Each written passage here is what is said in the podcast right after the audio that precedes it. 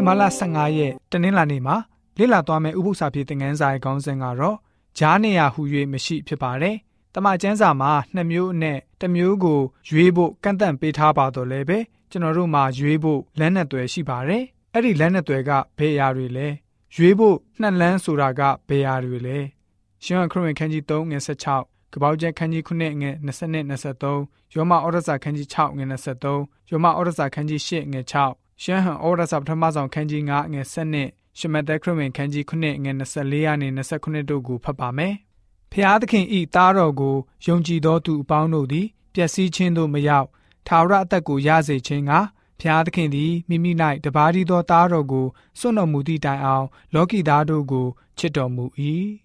အသက်ရှူလျက်ကုန်းပေါ်မှရှိလေသမျှတို့သည်တေကြကုန်၏မြင်မျက်နှာပေါ်မှရှိသောလူဖြစ်စေသားဖြစ်စေတွားတက်သောအရာဖြစ်စေ မိုးကောင်းငယ်ငှက်ဖြစ်စေအသက်ရှင်သောအရာရှိရှိသမျှတို့ကိုမြေကြီးပေါ်ကပယ်ရှင်းတော်မူ၍ပျက်စီးကွယ်ပြောက်ခြင်းသို့ရောက်ကြကုန်၏နောအိမဆ၍နောအိနှင့်တကွတင်မောထိုင်၌ရှိသောသူတို့သာကြံကျွင်းကြလေ၏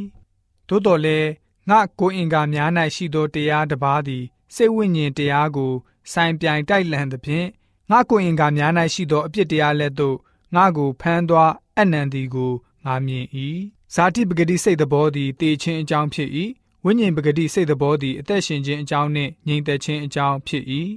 သားတော်ကိုရသောသူသည်အသက်ကိုရ၏ဖျားသခင်ဤသားတော်ကိုမရသောသူမူကားအသက်ကိုမရအချင်းသူသည်ငါဟောပြောသောဤစကားကိုကြား၍နားထောင်၏ထိုသူသည်ကြောက်ပေါ်မှအိမ်ဆောက်သောပညာရှိနှင့်တူချောင်းကိုငါပုံပြမည်မိုးရွာ၍ရေစီးသည်နှင့်လေလာ၍ထိုအိမ်ကိုတိုက်သည်ရှိသောကြောက်ပေါ်မှတည်သောကြောင့်မပြိုမလဲနေ၏ အကျဉ်သူသည်ငါဟောပြောသောဤစကားကိုကြား၍နားမထောင်မဲနေ၏ထိုသူသည်တဲပေါ်မှအိမ်ဆောက်သောလူမိုက်နှင့်တူချောင်းကိုငါပုံပြမည်မိုးရွာ၍ရေစီးသည်နှင့်လေလာ၍ထိုအိမ်ကိုတိုက်သောအခါကြီးစွာသောပြိုလဲခြင်းသို့ရောက်လေသည်ဟုဟောတော်မူ၏ဆိုပြီးတော့ဖော်ပြထားတာတွေ့ရပါတယ်။အားလုံးကိုခြုံငုံပြီးတော့ပြောရမယ်ဆိုရင်တော့လူသားတွေအတွက်ဟိုမရောက်ဒီမရောက်ဂျားတက်တဲ့နေနိုင်တဲ့နေရာလုံးဝမရှိပါဘူး။မဟာတိုက်ပွဲကြီးရဲ့အဆုံးမသက်ခင်လေးမှာအပြစ် စာဒံမကောင်းမှုဒုစရိုက်နားမထောင်ခြင်းတွေနဲ့ပုံကန်ထကြွတဲ့သဘောအားလုံးကိုအပြောက်ရှင်းထုတ်ပြစ်မှာဖြစ်ပါတယ်။အဲ့ဒါပြီးတဲ့နောက်မှာတော့ကျွန်တော်တို့အရောက်စီတိုင်းဟာတိကျကိုစီ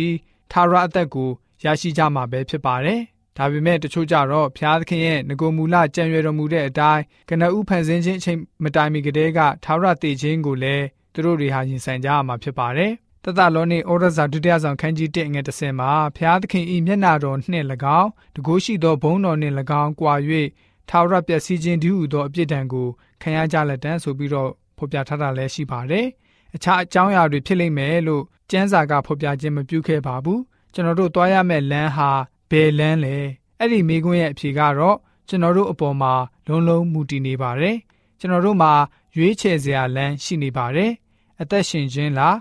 အသက်သေးခြင်းလားပဲဖြစ်ပါတယ်ထာဝရအသက်ရှင်ခြင်းနဲ့ထာဝရသေခြင်းပဲဖြစ်ပါတယ်ကျွန်တော်တို့ယုံကြည်သူများအနေနဲ့ထာဝရအသက်ရှင်ခြင်းလမ်းကိုရွေးချယ်ပြီးတော့ဖျားရှင်ဘက်မှာမမမမရက်တည်တဲ့ယုံကြည်သူတွေဖြစ်စေဖို့အတွက်တနင်္လာနေ့ဥပုသ္စာဖြစ်တဲ့ငန်းစာကဖော်ပြပေးထားပါတယ်